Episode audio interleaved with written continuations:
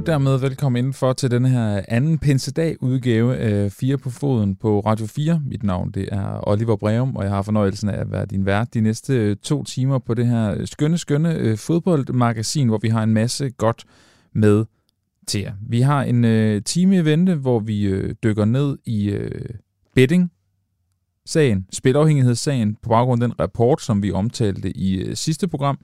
Vi skal også tale om øh, spioner i øh, spansk øh, fodbold, og øh, så skal vi også evaluere lidt på VAR. Så har vi en anden time til jer, som øh, kommer til at fortsætte øh, vores, øh, i vores fokus med, øh, med Katar. Vi skal blandt andet, øh, eller vi skal, tale med Jimmy Bøjgaard, der er formand for Danske Sportsjournalister. Ham skal vi tale med, fordi Danske Sportsjournalister er en del af et øh, hvad skal man sige, samarbejde, klub for andre sportsjournalister internationalt, der hedder AIPS, og øh, de har simpelthen valgt at holde deres prisuddeling af årets sportsjournalist i da, da, da, da, Katar og hovedstaden Doha. Det møder stor kritik, det gør det blandt andet fra Jan Jensen fra Ekstrabladet Sportsjournalist også. Du kender ham blandt andet fra Blodbold-podcasten, der kører lige nu, og hans intense dækning af Katar og, og VM dernede. Det har vi talt med ham om også her i programmet. Så skal vi også tale med Stanis Elsborg, han er senioranalytiker ved øh, Play the Game, som, øh, som også er med, og, øh, og er ret utilfreds med, at øh, de danske sportsminister stadig er en del af det her AIPS. De tre er i studiet, og, og dem diskuterer vi det med. Derudover så har jeg også talt med TV2 i, øh, i time 2. Dem skal vi øh, tale om, fordi de har givet en øh, blokplads, en klummeplads til DBU. Og hvordan det sådan foregår rent journalistisk, det, det taler jeg med, øh, med TV2 om. Men øhm, i første omgang, så skal vi altså i, i gang med programmet, og det skal vi med øh, at fortsætte vores dækning af det her med spilafhængighed og problemer med betting i fodbold. Vi havde øh, Mads Vendelin og øh, Christian de Gere med i øh, sidste program.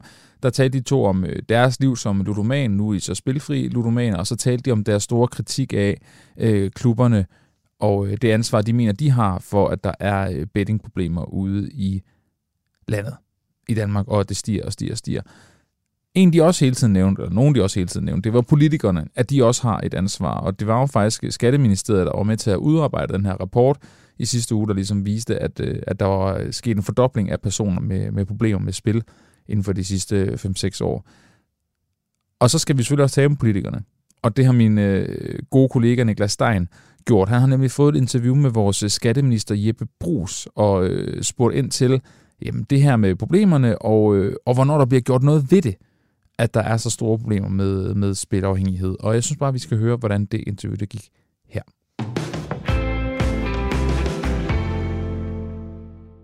Jeppe Brugs, øh, skatteminister for Socialdemokratiet. Øh, jeg vil jo gerne spørge dig ind til den her øh, nye rapport, der er kommet, som øh, I blandt andet øh, hos Skatteministeriet har fået Rambøl til at lave. Øh, en rapport, som viser, at en halv million danskere har pengespilproblemer i en eller anden grad. Jeg vil sådan ikke spørge dig til din reaktion på den rapport, for du har jo allerede ude at sige, at det selvfølgelig er et stort problem, de her tal fremviser. Så, det, så i stedet så vil jeg spørge dig, kalder det her på handlinger fra jeres, altså politikernes side? Ja, det gør det. Altså, vi har et reguleret spilmarked. Det vil sige, at vi har et spilmarked, som vi forsøger med lovgivning at, at have kontrol over. Øh, vi kan ikke også en erkendelse af, at vi kan ikke fjerne, at folk øh, spiller, øh, men øh, vi skal jo så sørge for at skabe nogle rammer om det, som, hvor det kan foregå på en ansvarlig måde. Øh, og derfor så har vi et reguleret spilmarked. Vi har noget af det er et monopol på lottospillene, øh, og så har vi andre spil, som er udbudt på licens, altså hvor private virksomheder øh, driver spil øh, på sport og andre ting. Øh, men, men alt det er under forudsætning af også, at, at dem, der spiller, sådan set også øh, kan spille med fornøjelse, men uden at komme i problemer. Og når vi kan se, at rigtig, rigtig mange mennesker kommer i pengespilproblemer øh, på baggrund af spil, øh, så har vi selvfølgelig ansvar for at kigge på den lovgivning, den er god nok. Og er det selve spilleloven, der skal kigges på? Jamen, jeg er klar til at kigge på, på, på flere dele. Altså dels hvordan vi har indrettet reguleringen af de spil, øh, men også øh, altså, kravene til de spiludbydere, der er osv. Og hvordan, øh, hvordan skal det arbejde gå i gang nu? Der bliver snakket om forhandlinger rundt omkring. Hvad konkret skal der komme til at ske nu? Men konkret så, når vi kommer på den til sommerferien, så indbyder jeg Folketingets partier til at gå i gang med at kigge på de forskellige dele, der er af spillovgivningen. Øh, til en drøftelse og i sidste ende formentlig også en forvandling af, hvordan øh, strammer vi op, så vi sikrer os, at, der, at den her udvikling, som er ret voldsom i forhold til voksne i pengespilsproblemer, at det ikke bare fortsætter. Du siger, du vil invitere Folketingspartier efter sommerferien. Kan du blive mere konkret? Altså, hvornår regner du med, at de kan sætte jer ned og, øh, og, og få det her for hånden? Ja, efter sommerferien. Så det er jo, vi er jo henne i august-september. Okay. Der, der er jo tale om en fordobling af personer med spilproblemer øh, i en eller anden form for grad øh, på bare fem år, som sagt. Er det ikke også et bevis på, at I forudgående har sovet team fra politisk hold? Nej, det synes jeg ikke, man kan sige. Altså, fordi spillovgivningen er blevet skærpet i, i flere omgange, og man har arbejdet med det i, så længe jeg har været aktiv i politik, øh, med hvordan man regulerer markedet. Øh, så, så jeg synes ikke, det er fordi, der ikke er sket noget, øh, og at der har også været tæt dialog med de virksomheder, der driver spil, der er lavet øh, forskellige initiativer også i den her øh, periode. Øh, så, øh, så nej, det synes jeg ikke. Men det er jo fuldstændig rigtigt, at når der er sket en fordobling af voksne i pengespilsspillinger over fem år, øh, så er det vidensbyrd om, at der er behov for at gøre noget mere. Hvor ligger ansvaret for den her udvikling, som du ser det? Jamen, den ligger jo hos dem, der øh, udbyder spil. Øh, de har selvfølgelig det største ansvar. Og så er det klart, som politikere, der skaber rammerne for det her, der har vi selvfølgelig også et ansvar. Og så har den enkelte et ansvar øh, for, at når man spiller, hvis man kan mærke, at man ikke kan kontrollere det spil, øh, og så øh, den stopper, hvis ikke man kan det, så få hjælp til det.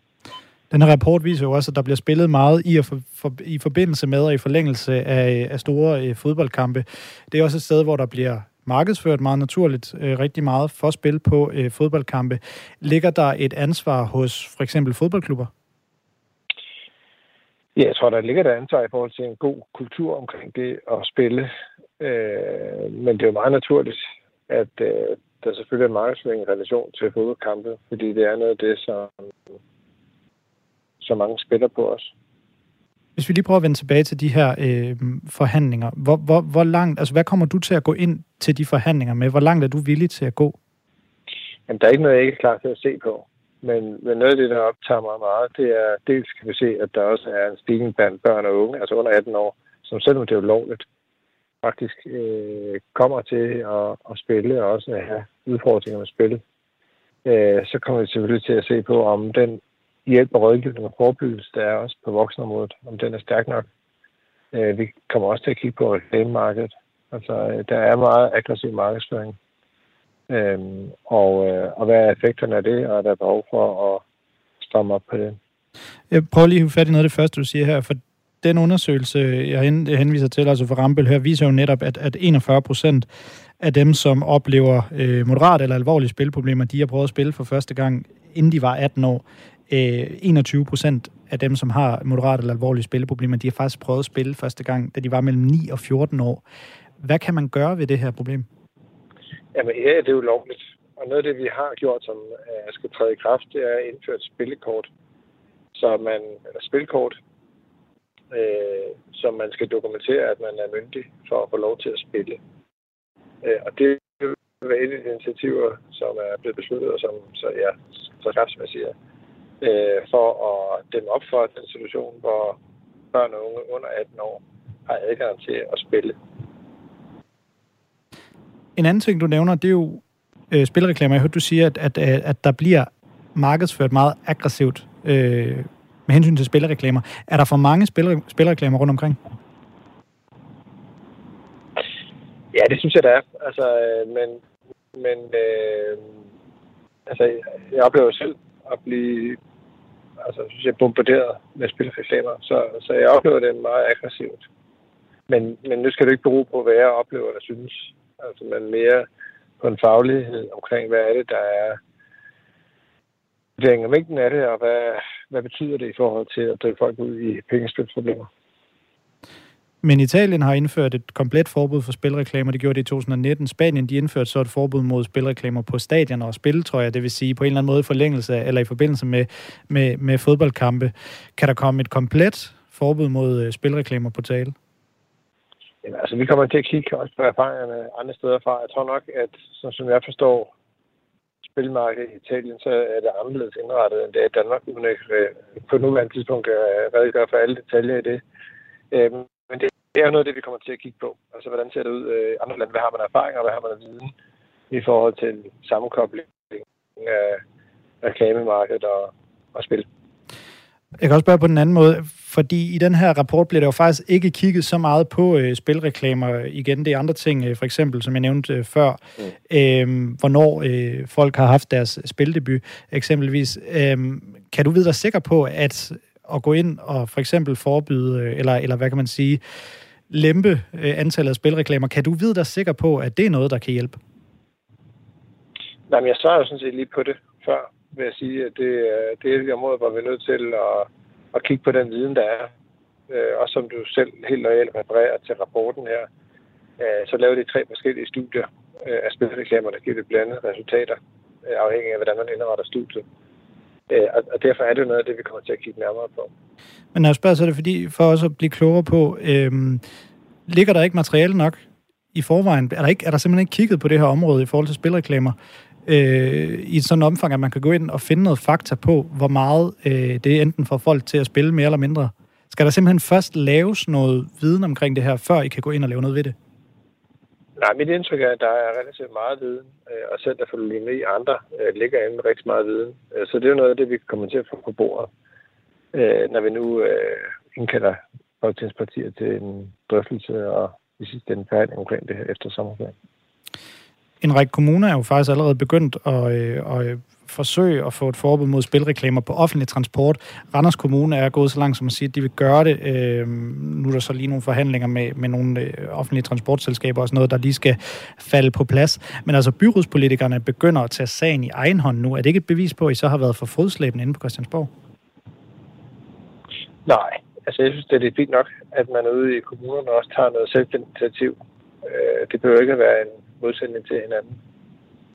Lige her til sidst, øh, jeg bruger skatteminister hos øh, Social, eller for Socialdemokratiet, øh, når vi, når vi snakker, for det er jo sådan, at spilleliberaliseringen blev, øh, eller spilleloven blev liberaliseret, spillemarkedet, undskyld, blev liberaliseret i 2012 i, i Danmark, og når vi snakker om det her, så bliver vi også øh, ved med at vende tilbage til, at øh, staten jo faktisk ejer 80% af danske spil, og så ejer Danmarks Idrætsforbund og DGI i øvrigt de, de resterende 20 procent.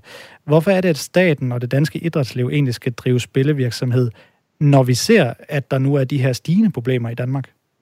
Jamen, vi har jo haft en, altså en historisk... Øh, har vi haft et monopol på spilmarkedet, netop også for at dels at have det under kontrol, øh, men selvfølgelig også, at pengene også gået til gode formål.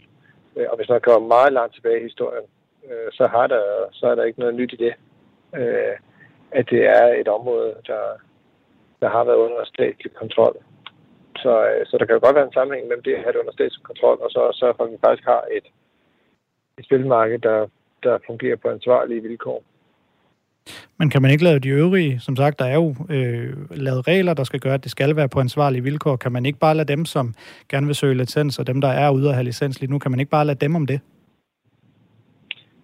men, men det, nu lavede vi jo så en, en licensordning, eller en, en delvis liberalisering, øh, hvor der er private udbydere på markedet, der så kan øh, udbyde spil.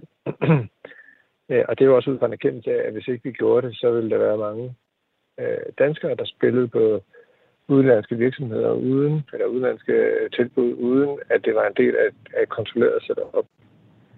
Øh, og nu taler vi om en udvikling, der bevæger sig i den forkerte retning. Øh, og det taler ikke for, at vi skal slippe kontrollen, men at vi skal skærpe kontrollen. Og så til, øh, til allersidst, øh, Jeppe Brugs, nu er der de her forhandlinger, der er den her rapport, der lige er udkommet. Når eller hvis der skal lave samme rapport næste år, forventer du så, at der på baggrund af de forhandlinger, I skal lave nu, og de resultater, der eventuelt kommer ud af det, at, øh, at, at, at udviklingen vinder? Nej, jeg forventer ikke, at vi kan lave et initiativ, der vender den udvikling i løbet af de resterende måneder af 2022. Øh, så stærkt går det ikke. Altså, der udviklingen bevæger sig stærkt, og teknologien bevæger sig stærkt. Øh, så det her, det er noget, det vi, vi skal vende på en lidt længere bane. Øh, men jeg tror, det vil være urealistisk at forestille sig, øh, medmindre vi lavede et totalt forbud for spil øh, i morgen, at vi øh, med, med, sådan, med justeringer, eller hvad vi nu gør af større greb, øh, kan, kan ende, ændre udviklingen på en helt, helt kort bane. Jeg vil bruge skatteminister for Socialdemokratiet. Tak fordi du havde tid, og øh, god arbejdsløst i de her forhandlinger. Selv tak. Og det var altså øh, Niklas øh, Dejns interview med skatteminister Jeppe Brugs på baggrund af den her øh, undersøgelse, der er blevet lavet af, af Skatteministeriet, og andre også, Rambøl blandt andet, som altså viser, at der er en, en halv million danskere, der på den ene eller anden måde har problemer med øh, spilafhængighed og pengespilsproblemer. Det er så noget, jeg nu øh, skal tale øh, mere om, og det skal jeg med dig, Morten Ronde. Velkommen til. Tak skal du have. Du er øh, formand for... Øh, spilbranchen her i, øh, i Danmark. Det er, er ligesom den brancheorganisation, der ligesom er, øh, ja, står for, hvad det, I skriver ind på jeres hjemmeside. I ligesom sørger for, at der er færre konkurrencevilkår for jeres øh, medlemmer, altså de spiludbydere, der nogle gange er, og at øh, spil skal fungere som underholdende fritidsaktivitet på linje med andre. Øhm, Morten Rønne, det er jo øh, dejligt, at du vil være med, og det er jo ret interessant at høre dit take på det her, fordi man kan jo høre i Brugs interviewet, at det lader til, at der skal ske et og andet. Øhm, så jeg vil egentlig godt bare lægge ud med at høre, hvad, hvad du tænker på baggrund af det, som Jeppe Brugs han siger. Jamen, jeg vil gerne starte med at sige, at, at uh, Jeppe Brugs, han, han virker til, at han er bekymret, og, og, og det kan jeg godt forstå. Det er vi, øh, det er vi i spillebranchen også. Uh, vi har været med i sådan en følgegruppe til den undersøgelse, der er lavet, så, uh, så vi vidste et lille stykke tid, uh, hvad der var på vej. Uh, men, uh, og vi vil jo gerne sammen med uh, Jeppe Brugs og de andre politikere prøver at finde nogle øh, løsninger, som gør, at, at man kan øh, justere på balancen, sådan, så man kan sikre mere forbrugerbeskyttelse i Danmark. Hvad kan du prøve at sætte ord på bekymringen? Jamen det, jamen det er jo helt klart, at, at når der er en stigning i, i så stor en stigning i, i dem, der har øh, et øh, spilproblem, eller i hvert fald begyndende spilproblem, øh, så er det noget, vi skal tage alvorligt. Øh, og, øh, og vi fokuserer især på, at, at øh, altså det er især bekymrende, at, at, at børn under 18 kan få, øh, få adgang til, øh, til at spille, og gamble. Øh, men det er, også, altså det er også bekymrende, at der er så mange unge mellem 18 og 24, øh, som, som måske har sådan begyndende spilproblemer. Der synes jeg, det, det er især der, man skal sætte ind. Men det er vel dine medlemmers skyld? Øh, det er, det er, øh, det er det ikke øh, kun. Øh, hvad hedder det? Øh, nu bliver der peget på, at man kan spille øh, sådan nogle gambling-lignende elementer på, på gaming-sider, altså computerspil-sider. Det er i hvert fald ikke noget, vi øh, øh, udbyder. Øh, der bliver også peget på i, øh, i undersøgelsen, at øh, der er nogle forældre, der låner deres spilkonti ud til deres børn. Øh, det er heller ikke noget, vi kan gøre noget ved øh, andet end at sige til forældre, at det, må, det er virkelig, virkelig dårlig idé. Øh, fordi så eksponerer man øh, børn for spil i en alt for tidlig alder. Men, men havde øh, I ikke, eller havde dine medlemmer ikke været der, så har der vel ikke været så store problemer? Jo, det, øh, det er jeg ret sikker på, der havde. Altså, der er en grund til, at man, øh, man har liberaliseret spilmarkedet, og man i hele tiden har øh, lovligt spil. Fordi det har altid været sådan helt tilbage fra gamle tid, at øh, at alle gerne ville, øh, ville spille. Hvis ikke der var noget lovligt øh, spiludbud, så foregik det bare i sådan noget undergrundsmiljøer øh, i stedet for. Og i dag så foregår det så på internettet på ulovlige spilsites, som altså kun er et klik væk. Så jeg mener faktisk, at altså, vi er også sat i verden til at kan man sige, kanalisere spil hen mod noget, der er lovligt, men også øh, tage ansvar for, øh, for spillerne. Og hvis vi ikke var der, tror jeg faktisk, det er set værre ud. Men tror du, der okay, så du tror, der havde været flere med pengespilsproblemer, hvis ikke der havde været bettingvirksomheder? Ja, det er ikke noget, jeg griber sådan ud af, af, af blå luft, fordi vi har masser af sammenligningsgrundlag rundt omkring os. Øh, I vores naboland, øh, Norge, der har man stadigvæk holdt fast i at have sådan et monopolsystem, øh, hvor der kun er et spiludbyder. Men halvdelen af nordmændene, som spiller online, de spiller så på udenlandske øh, ulovlige spiludbydere altså, som ikke har den samme forbrugerbeskyttelse. Og i Norge er der langt større øh, problemer med spilafhængighed, end der er i Danmark. Der er flere per indbygger, eller hvad? Ja, altså. Okay, det er jo vildt nok. Jeg, skulle, jeg, jeg, jeg vil tro, at, at det er ligesom med, for eksempel med cannabis, altså at det er der færre, der ryger, fordi det er ulovligt, og det er svært at få fat på. Så hvis man ligesom gjorde det ulovligt og gjorde det sværere, så ville jeg tro, der var færre, der led af, af spilproblemer. Ja, det er fordi, du, altså, fordi hvis, du, hvis man ikke kunne få, hvis du ikke kan få fat i det, øh, men, men spil er meget nemt at få fat i, øh, hvis du søger på, på internettet efter spil. Men det kan vi også. Hvis du gerne vil, kan du godt få fat på det. Ja, men, men internetspil er meget nemmere at få fat i. Øh, prøv at søge på spil uden, øh, uden licens, og så kommer der tusinder af sider op. Øh, og vi ser det øh, i mange andre lande. Øh, lige pludselig så skrider det, øh, og så kommer der enormt stort øh, ulovligt spil. Øh, og sådan var det jo også i Danmark, før vi liberaliserede. Det var jo en af grundene til, at vi liberaliserede, det var, at øh, halv, altså, cirka halvdelen af dem, der spillede online-spil, de spillede øh, øh, ikke på danske spil, men på nogle andre spiludbydere. Nu, øh, nu ved jeg, at du gerne vil være en, en del af løsningen. Kan du ikke prøve at, at, at komme med nogle konkrete bud på, hvad du tænker, der skal gøres? Jo, altså vi skal fokusere på der, hvor øh, problemerne er, øh, og vi skal øh, og vi skal sætte ind, øh, kan du sige, øh, så vi kan øh, så vi kan blive bedre til det at gøre det, vi gør i forvejen. Altså det er vigtigt øh, at sige, det er vigtigt, at de danske spillere, som spiller, spiller hos nogle lovlige spiludbydere. Øh, og så skal vi blive endnu bedre end nu til at, at gribe fat i, øh, i dem, der udvikler et øh, uheldigt spilmønster. Øh, som, og det, altså, det er nogle metoder, vi bliver bedre og bedre til, øh, så vi kan se, at her er et problem. Øh, den spiller spiller normalt for 1000 kroner om måneden, nu spiller han for 10.000. Øh, men det er, ikke, øh, altså, det er ikke så nemt endnu, øh, og det er noget, vi skal samarbejde om, også med myndighederne. For myndighederne får alt vores øh, spildata ind. Øh, så sammen så får vi langt bedre mulighed fremover for at gribe ind i, øh, i god tid. Og det er, faktisk, altså, det er faktisk den eneste måde, som jeg ser, at man kan, øh, man kan mindske ludomanien i Danmark. Ja, det er det vel. Okay, så, det, så du ser den eneste mulighed, det er, at man hvad? Jeg skal lige være helt sikker på, for jeg synes, du sagde, at man skulle sætte ind, men det var ikke så konkret. Altså, man gør hvad præcist? Du er nødt til at følge med i, uh, i spillet. Altså, du er nødt til at, at overvåge uh, spilmønstrene uh, for spillerne. Uh, fordi al erfaring viser, at når en spiller er blevet uh, spilafhængig, så er der ikke så meget at gøre, så skal de ikke spille mere. Så skal de, uh, så skal de i behandling.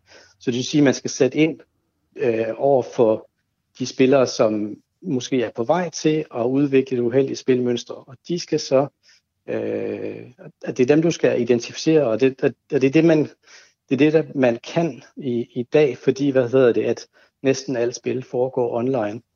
Øh, så altså, øh, spiludbyderne og spilmyndighederne i samme, samarbejde kan, øh, kan begynde at, at analysere på de data og finde frem til, øh, hvem det er, der måske har et problem.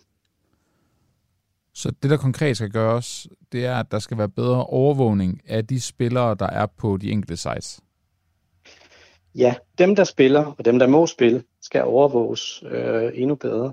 Øh, og så skal vi selvfølgelig prøve at forhindre, at dem, der ikke må spille, altså dem, dem der er under 18, eller dem, der er, har et spilproblem, at de slet ikke spiller. Hvordan vil I gøre det? Anden... Jamen, det er ikke særlig nemt. Øh, rapporten peger på, at at der er masser af gambling-elementer i sådan computerspil i, uh, i dag. Uh, så der er jo, det er jo et område, som er fuldstændig ureguleret i dag. Det er noget, uh, det er, noget, det er politikernes ansvar at, uh, at kigge på. Jamen, nu snakker jeg om, uh, om bettingsiderne. Hvordan kan bettingsiderne sørge for det? Jamen, vi, vi sikrer jo, at der, altså, du skal være 18, uh, du skal være bosat i Danmark og så videre, uh, for at du må spille.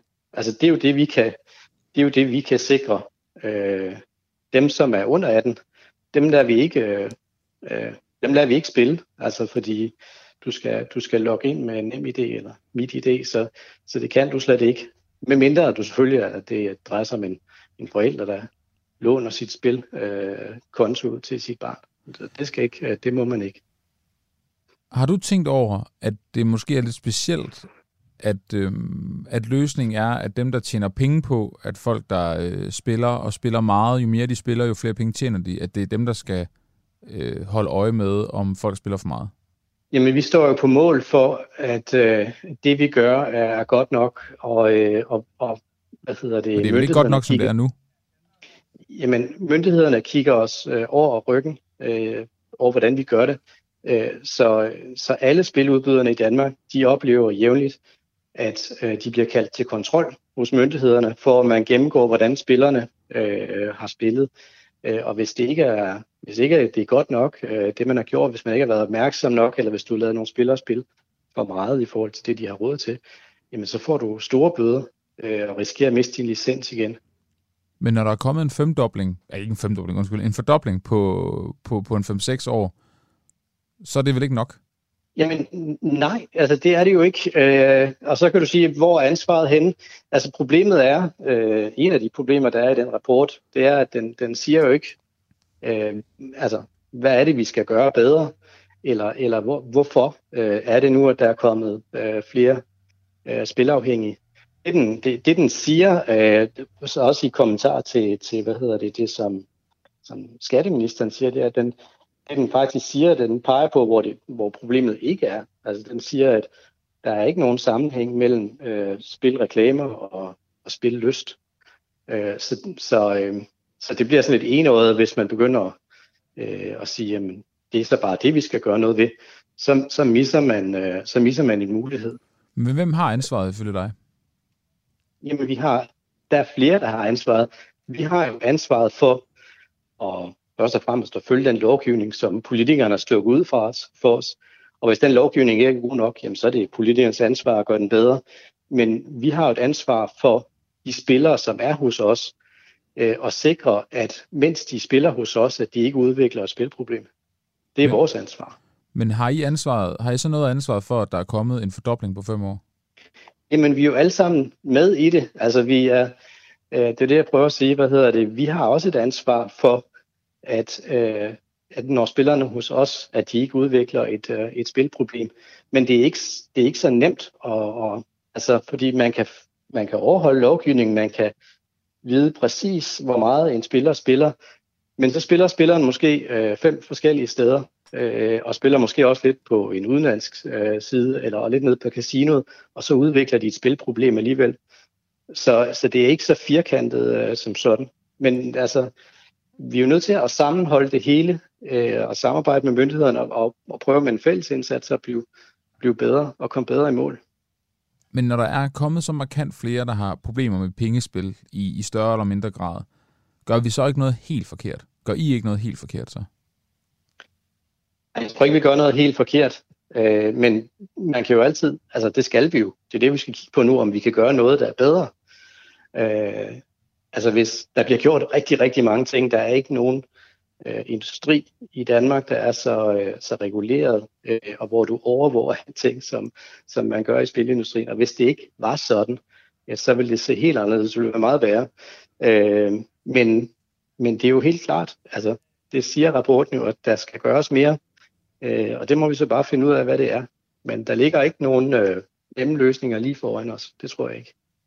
Når, når, når I siger, eller du siger, og, og spilbranchen siger, og bettingfirmaerne siger, at de gerne vil være en del af løsningen, så kan jeg bare ikke helt se bort fra den bias, jeg synes, der er i det, at de samtidig tjener en masse penge på, at der er nogen, der gider at spille.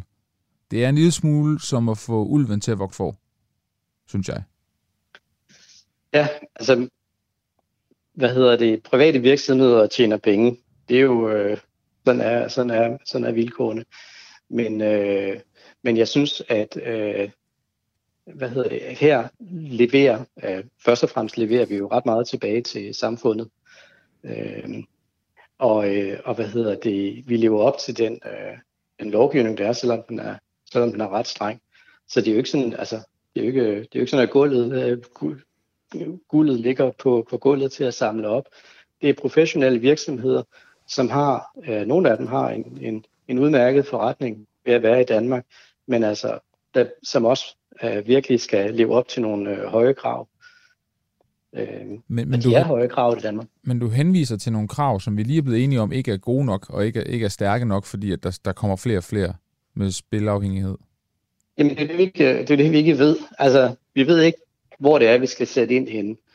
Øh, men det må vi så, det må vi så finde ud af.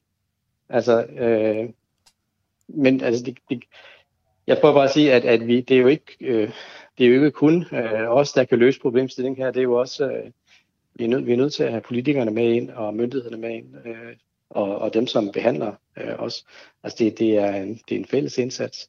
Er der nogen grund til, at du ikke har øh, kigget mod nogle af de lande, hvor det er blevet gjort ulovligt at reklamere for det, eller der slet ikke må være noget i forbindelse med fodboldkampe for eksempel, der har noget med, med betting at gøre? Er det fordi, du ikke tænker, at det er en løsning, eller... Det er ikke nogen løsning. Øh, det, er, det er jeg helt sikker på. Øh, Hvorfor er du helt sikker på det? Fordi det viser, det viser erfaringerne fra de, øh, fra de lande, at, at det gør ikke spilafhængigheden øh, mindre. Det gør det bare svært for, for forbrugerne at orientere sig øh, om, hvor man så skal spille hen. Og igen, så går man ud og finder nogle, øh, nogle øh, hvad hedder det, spiludbydere, som ikke har, har tilladelse. Øh, det, er, det er en kortsigtet, øh, en kortsigtet løsning, som, som man griber til fra politikerne, fordi man ikke fordi man synes, at reklamerne er irriterende. Øh, og det forstår jeg godt.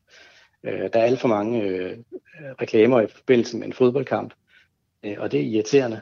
Øh, men, det er ikke, øh, men det er ikke løsningen at, at, at forbyde reklamer, det mener jeg bestemt ikke. Så, så hvis danske spil ikke reklamerer i fjernsynet og ikke reklamerer i forbindelse med fodbold eller andre sportsarrangementer, så siger du, så bliver konsekvensen, at så går folk ulovlige steder hen og spiller?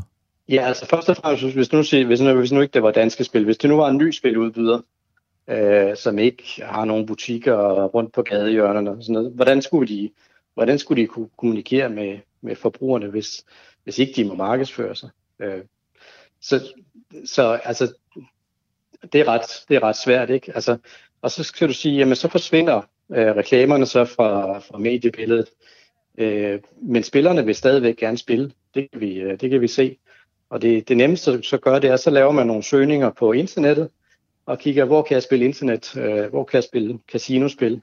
Og så kommer der øh, rigtig, rigtig mange ulovlige spiludbydere op, øh, som har tilbud, der er større end, end dem, som vi må udbyde, fordi de er jo ikke reguleret på samme måde. Rammer øh, bettingreklamer, rammer det folk, der lider af ludomani og der har et spilproblem? Jamen, det gør det jo selvfølgelig. Hvad hedder det? Når du har en tv-reklame, og, og øh, den, den rammer jo alle dem, der ser tv-kampen. Så der vil også øh, helt sikkert være nogen, øh, der har et spilproblem, øh, som ser spilreklamen, og føler, det ubehageligt, at de, at de bliver eksponeret for et produkt, som, øh, som de har de enten er eller har været afhængige af. Det giver sig selv. Det tror jeg også, hvis man, hvis man har et, et alkoholproblem, så er det også ubehageligt at se reklamer for, for øl. Rammer øh, spilreklamer øh, børn under 18, der ikke må spille i Danmark?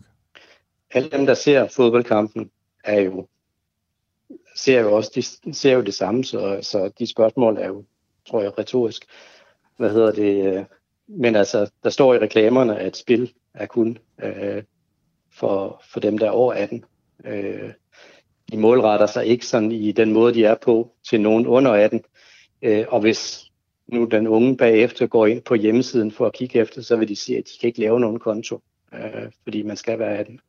Men så kan jeg bare godt øh, have så vil forstå, hvorfor at det er okay at have så mange reklamer, når det rammer øh, de to problemstillinger, som vi lige har talt om, nemlig at nogen spiller for meget og har et problem med det, og at børn spiller, når de ikke må. Men det meste reklame i Danmark rammer jo alle. Altså, øh, så, så hvis man ikke måtte have det, altså hvis du ikke måtte øh, have reklamer i, i landsdækkende medier, øh, i landsdækkende tv, øh, så er der ikke så meget tilbage. Men der er jo ikke noget lovligt ved at reklamere for et par sko. Det må alle jo købe. Jamen, der er heller ikke noget ulovligt i at reklamere for at spille. Der er i hvert fald ikke endnu. Nej, nej, men det, jeg mener bare, der er jo ikke noget problem med det. Der er jo ikke... Det er ikke et problem at reklamere for sko. Jamen altså, øh, nej, der er ikke noget problem med at reklamere for nogle sko. Jeg synes ikke generelt, der er noget problem med at reklamere for spil, men spil indhold, indholdet af reklamerne skal øh, selvfølgelig være ansvarligt. Det må ikke være appellerende eller målrettet børn. Men jeg forstår ikke, hvorfor du ikke synes, der er et problem med reklamer, når vi lige har konstateret, at der er problemer med folk, der spiller for meget, og folk, der spiller før de må. Og vi lige har konstateret, at reklamerne rammer begge grupper. Ja, men jeg mener ikke, at jeg mener godt, at, at man kan differentiere. Jeg tror, jeg mener godt, at man kan reklamer i, i en fodboldkamp uden at det appellerer til, øh, uden at det appellerer til børn og rammer børn. Altså, det kan ikke, jeg kan ikke, øh, altså, at, at det også appellerer til nogen, der ikke øh, spiller, øh, det kan, vi, det kan man ikke gøre noget ved, medmindre der ikke er reklamer selvfølgelig. Men hvordan men, rammer en reklame øh, ikke en 17-årig, men rammer en 18-årig? Jeg ved ikke, hvad du mener med rammer. De ser, de ser reklamen. Øh, der er så ikke nogen elementer i den, der, der appellerer til dem. Øh, og, og hvad hedder det, der så står der jo, at du må ikke spille, øh, før du bliver 18. Okay, så det er, den, det er den tekst nede i bunden af reklamen med småt. Det er den, der, det er den, der gør, at den ikke appellerer til øh, en med spilafhængighed og en, der er under 18. Øh, ja, blandt andet. Øh, indholdet af det er heller ikke øh, sådan, så det er målrettet øh, børn. Hvordan er det ikke målrettet børn? Eller folk du bruger for eksempel, Ja, du bruger for eksempel ikke øh, børn. Du bruger ikke... Øh, øh, vi foreslår, eller vi, øh, vi har i vores adfærdskodex, at vi ved at sørge for, at man ikke må øh, bruge animationer, øh, og man ikke må bruge øh, kendte personer, som måske kan øh, appellere til børn, men heller ikke må bruge personer i det hele taget, som er under 25. Tror du, at øh, tror du, at det er nødvendigt at kigge på synligheden af øh, betting, øh, altså både reklamer, men også bare firmaerne generelt, i offentligheden, når det kommer til sport og til reklamer og, og så videre. Er det nødvendigt at kigge på, hvor, hvor synlige de er, før vi øh, kan se det her tal falde? Altså jeg synes, man skal kigge på indholdet af reklamerne. Øh, jeg synes ikke, man skal kigge på forbud. Altså hvis man vil regulere antallet af reklamer, det, det kan jeg sådan set godt forstå. Vi har, vi har også selv sagt, at der er mange reklamer, og vi har ikke noget mod, at hvis, hvis man fra centralhold kan regulere antallet af, af reklamer. Vi forsøgte selv for to år siden at lave en aftale om øh, at nedsætte antallet af reklamer, altså mellem spiludbyderne, øh, men det fik vi at vide af konkurrencemyndighederne, at det var ikke, øh, det var ikke tilladt. Øh, så der må vi så spille bolden tilbage til, til politikerne og sige, at hvis I gerne vil have sænket reklametrykket, øh, jamen så, så er det jer, der skal gøre det. Det bliver i hvert fald det bliver spændende at se, hvad der kommer til at ske. Også både, altså hvad, hvad politikerne finder ud af, også jeres rolle i det, og også om vi kommer til at hvad kan man sige, kopiere eller læne os op af noget af det, nogle øh, andre lande har, har gjort. Men øh, i første omgang, Morten Rønne, så er jeg i hvert fald glad for, at du gad at, at tage den her snak med ja, mig som, øh, som formand for, for spilbranchen. Tak fordi du var med. Tak, selv tak. Og så skal vi til en øh, ja, lidt mere kuriøs historie i øh, den spanske fodboldverden, hvor det øh, anstrengte forhold mellem det spanske fodboldforbund og Ligaforbundet er eskaleret yderligere, tro det eller lade være. Og det er det, fordi der simpelthen er kommet beskyldninger om spionage. Og til at gøre os klogere på den historie, så har vi ringet til øh, Barcelona, hvor journalist og forfatter Nikolaj Lisbjerg kan gøre os klogere på, øh, hvad der overhovedet er op og ned i den her sag. Nikolaj Lisbjerg, journalist og forfatter med speciale i blandt andet spansk fodbold. Vi skal tale om en konflikt, der er eskaleret de seneste dage mellem øh, den spanske ligaforening og det spanske fodboldforbund. Og inden vi øh, når øh, til, hvad det er, der er eskaleret konflikten, så kan du måske lige øh, gøre vores lyttere klogere på, hvordan relationen er mellem det spanske fodboldforbund og, og Ligaforeningen. Jamen, øh, jeg kan starte med at sige, at det er to, hvad skal man sige, foreninger og to præsidenter, der er i åbenlys krig. Øh, vi har jo Javier Tebas, som er præsident for La Liga, og så Luis Rubiales, som er præsident for det spanske øh, fodboldforbund. Og de to herrer kan ikke udstå hinanden, og de har meget, meget forskellige øh, syn på, hvordan man... De vil jo et eller andet sted begge to det samme. De vil gøre spansk fodbold så succesfuldt som muligt, men de har meget, meget forskellige synspunkter på, hvordan man lykkes med, med det. Øh, Javier Tebas vil jo spille spanske ligekampe i, øh, i udlandet, og det vil Nobiales ikke. Til gengæld vil Nobiales så gerne spille øh, Supercop i øh, Saudi-Arabien. Så det er en, en meget, meget, hvad skal man sige, sparet sag mellem to herrer, der ikke kan, kan udstå hinanden.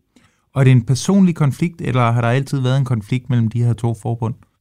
Nej, altså der har altid været i, i spansk fodbold sådan lidt konflikt, og det har jo altid, spansk fodbold har jo desværre øh, haft et ry for at være meget øh, korrupt. Der har også tidligere været præsidenter, der måtte øh, trække sig på grund af beskyldninger, også på grund af domme om, om korruption. Øh, og det der jo så er i forhold til de her to øh, organisationer, det er jo, at, at selvom det hedder La Liga, selvom det er det spanske ligaforbund, Øh, der som sådan styrer den nationale liga, jamen så er det det spanske fodboldforbund, der skal godkende mange af beslutningerne. De skal blandt andet godkende, hvornår der må spilles kampe, og hvor henne der må spilles kampe. Og så kan man jo godt forestille sig, at når man har to så, hvad skal man sige, så magt øh, søgende øh, præsidenter for hver sit øh, organisation, og deres beføjelser går lidt ind over hinanden, jamen så er det det, der skaber nogle problemer. Men det er klart, at det her det er noget, der er eskaleret siden 2018, hvor Rubiales kommer til i det spanske fodboldforbund. Og her i Fire på Foden, når vi normalt snakker med Divisionsforeningen og, og Dansk Boldspilunion, og, og vi præsenterer dem for nogle problematikker, så siger de oftest, at, at det tager vi internt. I Spanien er de jo så gået den helt modsatte vej, hvor Javier Tebas, øh, præsidenten for La Liga, han, øh, han går ud med et tweet øh, forleden, hvor han øh, simpelthen beskylder øh, Øh, Luis Rubiales for at sende en øh, spion øh, til, til et møde i La Liga. Kan du ikke øh, prøve at fortælle lidt om det tweet, der kom ud? Jo, men det er jo, de har jo haft et, et møde nu her, for, fordi dem har de jo en del af en gang imellem, selvom de ikke rigtig kan udstå hinanden. Øhm, og der siger han så, hvad hedder det, øh, Tebas, der har været nogle beskyldninger mod Rubiales øh, i forhold til øh, netop den her øh, hvad skal man sige, placering af Supercup i Saudi-Arabien, hvor han jo skulle have benyttet sig af Jeddah Piquets øh, virksomhed og skulle give ham nogle millioner. Og de her beskyldninger vil han så, øh, har, der, hvad skal man sige, har man så ligesom skulle forsøge at forholde sig til. Så det, øh, Javier Tebas siger, jamen, det er, at han siger, at øh, Rubiales, han sender simpelthen en, en spion øh, hen og udgiver sig for at være en, for en anden person. Og så har han sådan en, en kuglepind, hvor i han simpelthen kan optage øh, de her samtaler. Og det finder Tebas så ud af og afbryder øh, samtalen. Og det er jo ret vildt, men, men de her, øh, man skal forstå hernede, at det kan, det kan godt være, der er interne snakke, men alt bliver jo offentliggjort. Altså der findes snart ikke den samtale, der ikke bliver offentliggjort, eller de lydfiler, der ikke kommer frem i, øh, i pressens øh, søgelys. Så det er, øh, det er jo så også noget af det, han siger til os, at, at det er jo helt utroligt, altså, at Lobiales, øh, hvad skal man sige, øh, lyst eller idé om, at alt skal optages, alt skal, skal føres til bånd, jamen den, den når ingen grænser. Og det er så det, han er ude og forsvare sig med her i, i tweet. Og den her beskyldning for, for Tebas øh, mod Rubiales og, og den her optagelse af det, der foregik på mødet, er der hold i det? Har man nogle indikationer på øh, sandhedsværdien af, af den beskyldning, han fremsætter? Altså, jeg vil næsten blive overrasket, hvis der ikke har været nogle optager i, øh, i gang, fordi alt tyder på, at hver eneste gang, at der er nogle af de her to, der, der udtaler sig til, øh, ja, uden for, uden for citat, så bliver det jo citat, øh, fordi at at der kommer, hvad hedder det, lækkede filer, der kommer de her optaget lydfiler. Øh, den tidligere øh, spanske øh, sportsminister øh, har også tidligere udtalt, at hun var overbevist om, at når hun havde møder, jamen, så blev hun øh, optaget, og der var spioner, der simpelthen spionerede øh, på hende, mens hun sad på, på posten. Så, så jeg tror godt, vi kan gå ud fra, at øh, der har været optagelser. Spørgsmålet er så, om det ikke også går den, går den anden vej. Øh, så, så det her med optagelser og, og lydfiler, det, det tror jeg godt, vi kan tage for, for gode varer. Og Rubiales, har han selv været ude og reagere på den her beskyldning? Ikke i, uh, i talestund, så har jeg ikke set uh, hans, uh, hans take på det. Han har selvfølgelig også nok at forholde sig til. Han er jo som sagt involveret i den her sag med, at, øh, hvad skal man sige, at, at få Superkoppen, den spanske Superkop til, øh, til Saudi-Arabien, hvor han jo har givet nogle penge til, til øh, uh, ja, Piquet og hans, øh, hans virksomhed. Og det er jo den hvad skal man sige, sag, der stadigvæk kører. Det, der så er i den sag, jamen, det er jo, at det kom så frem via øh, nogle hackede lydfiler, øh, og det har det danske ligaforbund formentlig i hvert fald ikke noget at, at gøre med. Så jeg tror, Rubiales er den af de her to herrer, der er mest presset. Øh, men Tebas formår jo også at bringe sig selv i, øh, i overskrifterne fra, fra uge til uge. Altså det var jo ham, der var fremme på hele La Ligas vegne og sige, at øh, UEFA blev nødt til at sanktionere PSG, da man ikke øh, da Real Madrid ikke kunne hente øh, Kylian Mbappé. Øh, så det er, det er to mænd, som næsten uge efter uge formår at bringe sig selv i mediernes søgelys. Og, og hvor står spansk fodbold så nu? Fordi på den ene side virker det jo som om, at, at de har nogle fælles interesser, de vil bare selv hver især udføre dem. Altså det her med at rykke nogle spanske kampe til udlandet, om det så skal være øh, ligakamp eller supercupkamp eller hvad det skal være, det er de uenige om. Men, øh, men omvendt virker den her øh, konflikt også til at være så stor, at, at der ikke er et samarbejde lige for. Hvem, hvem øh, har folkets opbakning, hvis der overhovedet er nogen af dem, der har det? Ja, men jeg tror, at de er tæt på lige upopulære. Altså, Tebas er ikke øh, specielt øh, populær. Øh, og sådan er det nogle gange, når man er, er ligaformand, og derudover også er erklæret øh, Real Madrid-fan, så er det klart, så får man nogle, øh, nogle modstandere på, på nakken. Øh, jeg ved ikke, om der... Det er ikke sådan, at, at man kan sige, øh, den gode og den onde i det her, øh, de er lige meget fedtet ind i, i de øh, skandaler, der er. Øh, jeg synes, det var sigende, at, at Tebas var ude at sige, at, at de her lækage, de her øh, beskyldninger på korruption, jamen det bringer øh, spansk fodbold 10-15 år tilbage. Øh, sammenligne det lidt med, med tiden i FIFA under en, en, øh, en blatter, øh, for eksempel. Altså, der er så meget. Tebas mission har jo siden han kom til som, som La Liga-præsident været at rydde op i spansk fodbold, sikre større økonomisk øh, stabilitet, sikre, at der er nogle øh, økonomiske øh, regler, der skal overholdes, så man ikke kan komme ud i de her store konkurser fordele penge lidt mere efter, hvad hedder det, en, en retfærdig fordelingsnøgle i forhold til, til tv-penge.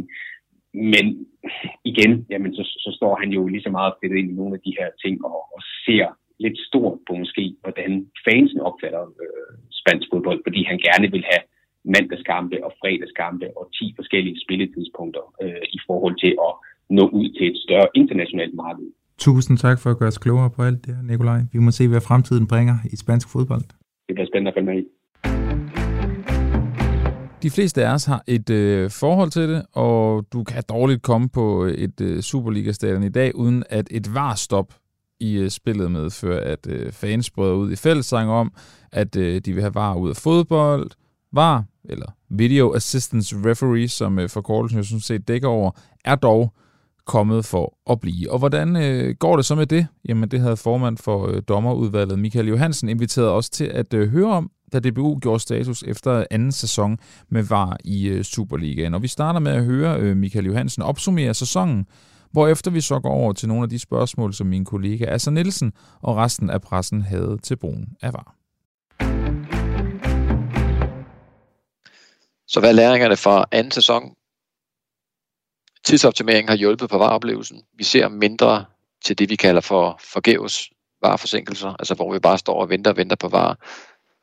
Og forgæves er også det her, hvor var egentlig bekræfter det rigtige i dommeren har, har dømt. Der, der er noget større accept af, at man bruger tid på at blive kaldt til skærmen, fordi vi har noget, der er åbenlyst forkert. Men der er meget lidt accept af, at vi står og venter på noget, der er korrekt dømt. Øh, og den øh, tidsoptimering, som jeg også beskrev i starten, øh, er blevet signifikant bedre var identificeringen, øh, det her med, om vi er der situationer, vi egentlig overser. Øh, det gjorde vi i første sæson, altså hvor, hvor vi pludselig blev overrasket over, at tv kunne vise et straffespark, vi ikke selv havde opdaget ude i bilen, fordi det var så nyt. Øh, dem ser vi ikke mere af. Vi har jo utrolig høj kvalitet. Øh, alle situationerne igennem sæsonen bliver faktisk tjekket, og så er det kun et spørgsmål om, hvorvidt man skønner, at der skal intervention på, eller altså hvor er den her line of intervention men vi oplever ingen situationer længere, som går under radaren, altså hvor vi bliver fuldstændig overrasket over, at, øh, at der var øh, en hånd på bold for eksempel, som, som var ikke at se, men, men tv kan vise bagefter. Så det er rigtig positivt, og den, den fortsætter vi selvfølgelig med. Varekonceptet skal være i balance, ikke for meget, heller ikke for lidt. Det er øh, øh, i centrum, og, og det hænger sammen med, med det her forsætningsniveau, jeg, jeg snakker om i starten. Øh, vi kører den internationale linje, vi fortsætter i tredje sæson med det, og det vil I ret sandsynligt også kunne bemærke med far for, at nogle frispark burde være dømt, øh, hvor vi kører videre, og så må man som dommer øh, øh, styre øh, slagets gang, øh, hvad det angår, og i øvrigt også tage den kritik for, for det. Det er også vigtigt, at vi stopper i tid, så vi ikke vi får spillet frustration og, og tofodstaklinger, der kommer i, i tid og utid. Bare blander sig ikke i grænsetilfælde. Det er dommerens skøn på banen, der stadigvæk vægter højst, ligesom hvis vi kørte uden var. Og det skal vi respektere, at dommerens skøn er, er det udgangspunkt, vi altid starter fra. Så Fokuspunkter i tredje sæson, tidsoptimering, intern kommunikation, kvalitet i bevisførelse til dommer og tv. Og, og lige præcis på det område i forhold til tv, øh, der har vi øh, en større opgave foran os. Vi ønsker at komme ud med endnu mere materiale, end det vi gør lige nu. Øh, vi er der ikke helt endnu. Øh, vi går ikke ud positivt og bekræfter korrekte kendelser på banen. Det kan vi lige så godt vende os til. Så der kommer ikke noget storskærm på et korrekt dømt straffespark. Der kommer ikke storskærm på en korrekt vurderet offside, selvom den kunne se ud som om den var forkert. Øh, så alt, hvad der er positivt, der går var ikke ind og bekræfter noget som helst. Øhm, til gengæld, når det er forkert, så skal vi gå ud med et tydeligt bevis, både til tv, storskærm, det vil sige øh, tilskuer på stadion, og, og selvfølgelig også til dommer på banen. Øh, vi ser ikke særlig meget kritik af VAR, og det kan der være flere årsager til. Øh, det er ikke fordi, at vi, vi er så fokuseret på, på kritikken på den måde derinde, men, men vi holder selvfølgelig øje med, om det er noget, der fylder rigtig, rigtig meget, sådan, så konceptet kan risikere, risikere at komme i problemer. Øh, vi synes faktisk, at den kritik, der har været i medierne, har været berettiget, og den øh, står vi på mål for. Og, øh, men sammenlignet med første sæson, øh, så er det en markant forbedring, og det skyldes helt klart også øh, dommernes øh, præstation, både på banen, men også på udbilen. Men vi er jo selvfølgelig ikke i mål endnu, og vi arbejder videre i den, den retning, og vi får nok heller ikke fjernet al kritik. Øh, det skulle være mærkeligt, for så er vi det eneste land i verden, der, der gør det. Generelt færre drøftelse af varesituationer. Jeg synes, vi oplever, at det bliver nuanceret. Øh, det bliver ikke sort-hvidt øh, i, i forhold til øh, fortolkninger af andre. Øh, og det, det appellerer vi til at nuancere nu øh, situationerne, øh, og, og fejl er ikke længere sensationelle. Det er i hvert fald det, vi prøver at appellere til. Øh, tidligere var det meget sensationelt, når der skete en fejl. Det var nærmest øh, som om, at øh, hvordan kan det overhovedet ske? Man kan lige så godt forstå, at fejl er en del af fodbolden. Det er en del af dommerfaget, en del øh, af, spillerne, trænerne. Alle laver fejl i fodbold. Det er ikke en perfekt sport, øh, hvad fejl angår. Vi ser fejl alle steder dernede. Vi skal selvfølgelig begrænse det, det og det har stor betydning, når vi laver fejl, det er vi meget bevidste omkring. Men det er ikke længere sensationelt, og det, det vil vi bare kreditere og sige, at det, øh, det er okay. Men det er jo ikke ens betydende med, at vi slapper af og, og, og overhovedet ikke har fokus på det. Det, det, det. det fylder selvfølgelig meget internt. Vi er nødt til at have styr på, at vi ikke øh, afgør kampe forkert i, i vores fag. Sådan er det bare. Der er stadigvæk høje forventninger til VAR, det skal det blive ved med at være. Og det, det gør egentlig bare, at vi øh, fortsat er motiveret på at, at løbe rigtig stærkt på, øh, på det projekt. Øh, vi har faktisk konkrete tiltag til at lave noget også større tv-mæssigt, hvor vi går ud og, og viser øh, clips med lyd inden for VAR, øh, og hvordan sådan også, altså ud fra en faglig betragtning, sådan der, og fortælle helt omverdenen, hvordan fungerer de her ting. Vi gjorde det i starten, altså, øh, da vi implementerede VAR, der gik jeg selv i studie og, og forklarede nogle af tingene. Vi havde også øh, klips med lyd på, og vi har også gået ud et par gange og, og lagt klips op, hvor man kan se, hvordan VAR opererer derinde og kan høre det. Men vi synes, at det er, altså tredje sæson er moden nu til, at vi vi går, går meget mere ud, fordi vi kan også gøre det med en højere kvalitet. Der er ikke så stor fare for, at vi går ud og, og også kommer til at se skidt ud. Det skal vi huske. Det er heller ikke en, en, en del af, af planen her. Så vi har ikke noget problem i at åbne op. Vi har ikke noget problem i, at folk øh, egentlig øh, får indsigt. Vi skal bare gøre det ordentligt, og, og vi er faktisk i dialog med, øh, øh med nogle øh, øh tv-stationer øh, til at, at lave noget, noget professionelt. Det skal, det skal laves med en høj kvalitet. Men det er klart, hvis, hvis andre sidder øh, med samme interesse, så er vi også åbne for at, at høre om det. Så kan man lige skrive til Mathias, hvis man, hvis man gerne vil øh, lave noget større. Øh, så det er vi åbne for, og der kommer, der kommer nogle, nogle indlæg. Og der er bare forskel på det, fordi det er sådan et fagligt indlæg, hvor vi går ind i og, og, og laver det som en mini-dokumentar øh, med udvalgte situationer, ikke? Som, som så er interessant, når man ser det, og så er det ikke interessant øh, et halvt år senere. Og så er der det andet, hvor vi går ud løbende igennem sæsonen og tager nogle situationer, der, der virkelig bliver talt om, og så viser, hvad foregår der der. Det er sådan to forskellige øh, øvelser, øh, og vi vil gerne begge dele. Det er sådan set øh, vores ambition. Øh, så så det, det er tankerne bag det, og, og der er konkrete tiltag. Der er jo forskel på antallet af kameraer øh, på stadion, og, øhm, og det er ikke altid en fordel, at der er mange kameraer, fordi det betyder, at så skal man egentlig til at gennem flere vinkler. Omvendt så kan man også være heldig at få den rigtige vinkel meget, meget klart hurtigt. Øh, med få kameraer, og det har ikke noget at gøre med, om kampen er stor. Øh, det kan sagtens være et derby, der har otte kameraer, og så kan der være en, en nu siger jeg i en almindelig Superliga-kamp, der ikke er derby, hvor der er 11. Øh, men det har noget at gøre med, hvordan øh, tv-produktionen er, øh, er, er fordelt øh, øh blandt udbyderne.